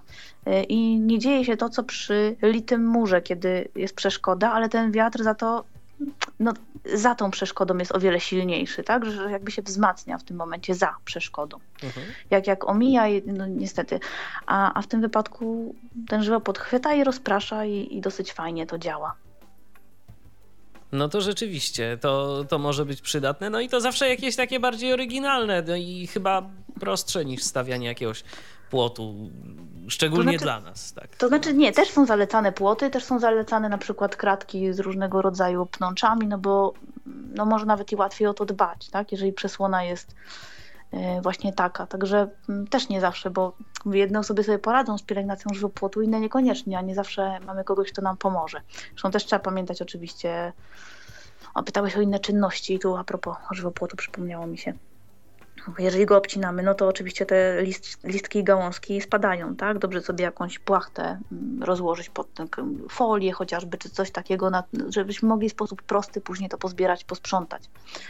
E, tak samo mówię, ta, ta ramka, o której na samym początku opowiadałam, ta taka prowadnica, jakby taki, taki mm, no mówię, no tr trudno mi określić, ja to nazywam ramką, bo to chyba będzie dla nas najprostsze w tym momencie. Te profesjonalne nazwy nie zawsze mówią tyle, ile potrzeba, ale ramka, no to już mniej więcej wiadomo o co chodzi. Tylko właśnie bez tego jednego krótszego boku. To na przykład też się przydaje przy, przy grabieniu, tak, żeby zachować jakieś takie linie, jeżeli mamy większy teren do grabienia. Mm, no i właśnie mówię, no musimy dbać o, o czystość tego ogrodu, y, musimy dbać o ścieżki, pilnować, żeby to dla nas było bezpieczne, umieć się zorientować w naszym ogrodzie, y, czyli wszelkie punkty orientacyjne, nawet takie dźwiękowe. O, była bardzo ciekawa rada, bardzo mi się to spodobało, że jeżeli mamy bardziej rozległy ogród i nie wiemy jak do danego miejsca trafić, no to można sobie właśnie też zastosować ten sygnalizator dźwiękowy, albo po prostu zostawić sobie gdzieś w miejscu strategicznym, do którego będziemy musieli później trafić, zostawić sobie na przykład jakieś małe radyjko grające i, i wtedy bez problemu trafimy bez błądzenia i bez robienia sobie na przykład obciachu wobec sąsiadów zerkających z zapłotu. No to rzeczywiście, to, to też może być bardzo przydatne, szczególnie jeżeli taki ogród jest duży i my gdzieś tam zaczynamy dopiero swoją no przygodę tak. w takim miejscu. No bo później, no to już wiadomo, nawet jeżeli to jest duże, to, to trafimy. To ogarniamy. Tak, oczywiście. No chyba, że mamy teren dziwny, no bo przecież są to przeróżne kształty ogrodów i jest zróżnicowanie terenu. Ja na przykład dwa domy temu miałam taki ogródek, który był bardzo spadzisty. Można było no, z góry się prawie że sturlać. E, skutek tego był taki, że dolna część ogrodu po deszczu była no, całkowicie niedostępna. No, za, to, za to górę jak najbardziej. No, po prostu miałam, miałam zbocze w ogrodzie, które jeszcze gdzieś tam zakręcało, więc też to takie ciekawe rozwiązanie. Ale takie było i, i też można było sobie to całkiem fajnie wykorzystać. Zgadza się. Czy coś jeszcze? Czy o czymś jeszcze nie powiedzieliśmy, a wydaje ci się, że warto a propos, a propos ogródków, a propos ogrodnictwa, a propos w ogóle zajmowania się roślinami e, przez osoby niewidome, no, czy słabowidzące, bo, bo też z pewnością takie osoby nas słuchają. Mhm. Czy słabowidzące, bo jak najbardziej. Myślę, że nawet mają jeszcze większe możliwości. I Oczywiście, że tak. No. więcej jednak... mają też, też korzyści, bo jeszcze dochodzą przecież te całe wzrokowe takie Estetyczne doznania wartości, przeróżne. Tak, doznania. Tak, tak, typowo, tak. Znaczy my też mamy estetyczne, no ale z innych zmysłów. Z innych, dokładnie. Gdzieś z zapachu na przykład. Ja myślę, że to jest bardzo, że to jest a później jak sobie zjemy takie, tak, takie własnoręcznie, faktura, gdzieś tam powiedzmy przygotowane y, potrawy z warzyw własnego, z własnego ogródka albo podobne rzeczy, no to, to też jest satysfakcja jednak i walory smakowe bez wątpienia również. A nieraz to są, ale nieraz to są względy, względy praktyczne. Na przykład, y, nie, obok mnie w markecie nie ma świeżej bazylii, albo szczypiorku, albo pietruszki, a ja mam to wszystko z ogródka. I nie muszę chodzić, mam to. Akurat w tym momencie potrzebuję, idę i mam. A to akurat nie jest zbyt duży nakład pracy, no bo rozumiem, że tam ktoś jakby sobie za, pole ziemniaków y, zasadzić czy coś, no to to już jakby trochę inaczej i może to niekoniecznie się opłaca, ale takie rzeczy, które są mniej, mniej wymagające pracy albo ciekawe odmiany, ciekawe no właśnie smakowo, fakturowo, jeśli chodzi o no samo, samo nawet pielęgnowanie tych, tych, mm, tych roślin, albo właśnie później używanie ich chociażby w swojej kuchni, czy do jakichś celów leczniczych, albo też kosmetycznych, bo przecież też można w ten sposób to myślę, że to jest ciekawe i że naprawdę warto się zainteresować. Jeżeli tylko odrobinkę czujemy w sobie tej pasji ogrodniczej, nawet, nawet w takim niewielkim zakresie i nawet jeżeli nie mamy zbyt wielkich możliwości, bo na przykład mieszkamy w kawalerce, w bloku, no to warto nawet na swoim parapecie zaprowadzić sobie taki mały ogródek ziołowy albo jakieś inne kwiatki, na przykład Michał ma kaktusa i e, duże efekty hodowlane, tak, że jeszcze prze, przeżył przez 4 lata. Tak, tak. Także ja zachęcam. Zachęcam i na pewno też spróbuję jeszcze później jakieś opracowanie zrobić, jeżeli będą pytania ja tak sobie to... jeszcze pomyślałem, mhm. tak a propos... A jeszcze pod podcastem, jak już się ukaże na stronie, to dam wtedy linki do, do tych organizacji, zwłaszcza do tej, która się zajmuje y, ogrodnictwem osób niewidomych i słabowidzących. Materiały po angielsku, ale no myślę, że, że można sobie tam jakoś poradzić albo w ostateczności zawsze jakiś Google Translator. O, w, razie czego, w razie czego też sprawa to załatwiona. Natomiast y, jak mówiłaś o tym polu ziemniaków, to ja tak się zastanowiłem i być może ktoś do nas y, w komentarzach też napisze. Ja się zastanawiam, czy oprócz tego, że niewidomi gdzieś tam zajmują się w mniejszym lub większym stopniu ogrodnictwem, to ciekawe, czy są niewidomi, którzy, którzy zajmują się takim typowym rolnictwem. Rolnictwem, Na zasadzie ja mamy, mamy parę hektarów pola, mamy jakąś mhm. oborę w której mamy jakieś tam krówki, świnki, kury, kaczki gdzieś tam na własny użytek albo, albo gdzieś tam na jakiś handel. I jak sobie ludzie z tym radzą, no bo być może to jest realne, to pewnie wymaga gdzieś tam no, wypracowania sobie pewnych sposobów na, na radzenie sobie z różnymi kwestiami, yy, no ale być może to nie jest yy, niemożliwe. Nie wiem jak z kilkoma hektarami, no bo to jednak jest taki no, no, duży teren, ale ja słyszałam o takich przypadkach w Polsce. Yy, nawet o takim panu, który właśnie swoje różne tam sposoby miał, ale ponieważ wstydził się przed sąsiadami, także żeby oni go nie podglądali, się na, nie naśmiewali z niego, to pracował w nocy i normalnie uprawiał pole. Także myślę, że jak się chce, to, to można. Nie zawsze trzeba, ale można. Ale jeżeli się chce, dokładnie, to można. Więc jeżeli ktoś coś wie, to, to czemu by się nie podzielić? Albo może sam uprawia Tak, i bardzo tak. fajnie. To by było takie też y, dla nas rozwinięcie tematu, a nie, że zupełnie bez odzewu. Kochani, zawiedliście nas, rozczarowaliście po prostu. No nie, będzie, no, ka- o- będzie kara. Odzew, odzew był, odzew był. Już, już nie mówmy tak, że nikt do nas się, z nami się nie kontaktował, bo był Michał. Tomek też y, zadał pytanie. Jeszcze jeden Ale- Michał do nas napisał, także no jakiś spo- odzew spodziewaliśmy się po prostu 100 tysięcy telefonów. Bo wiesz, bo może wszyscy już właśnie pobiegli po te sadzonki. Uprawiać. Tak, Tak, strzem- strzępiaste rośliny w Oczywiście. szczególności. Albo kaktusa. Okej. W, każ w każdym razie, w każdym razie zapraszamy O, do... O uprawie strzępiastych roślin będzie w następnym odcinku. I zapraszamy do dzielenia się mm, waszymi spostrzeżeniami z uprawy różnego rodzaju roślin, jeżeli coś hodujecie, albo jeżeli próbujecie coś y, hodować, y, no to oczywiście komentarze pod audycją są do waszej dyspozycji. Czekamy, prawda, na różne wpisy. Dokładnie. No a skoro tak naprawdę temat chyba wyczerpaliśmy, przynajmniej w jakimś stopniu, to nie pozostaje... To możemy iść tak. sobie zrobić herbatę. Dokładnie. To nie pozostaje nam nic innego, jak się pożegnać. Dziękuję Ci, Magdo, bardzo za udział w Dzięki. dzisiejszej audycji. I ja również y, dziękuję także za uwagę. Do usłyszenia, do kolejnego spotkania na antenie Tyfloradia. Michał Dziwisz, kłaniam się. Był to Tyflo Podcast. Pierwszy polski podcast dla niewidomych i słabowidzących.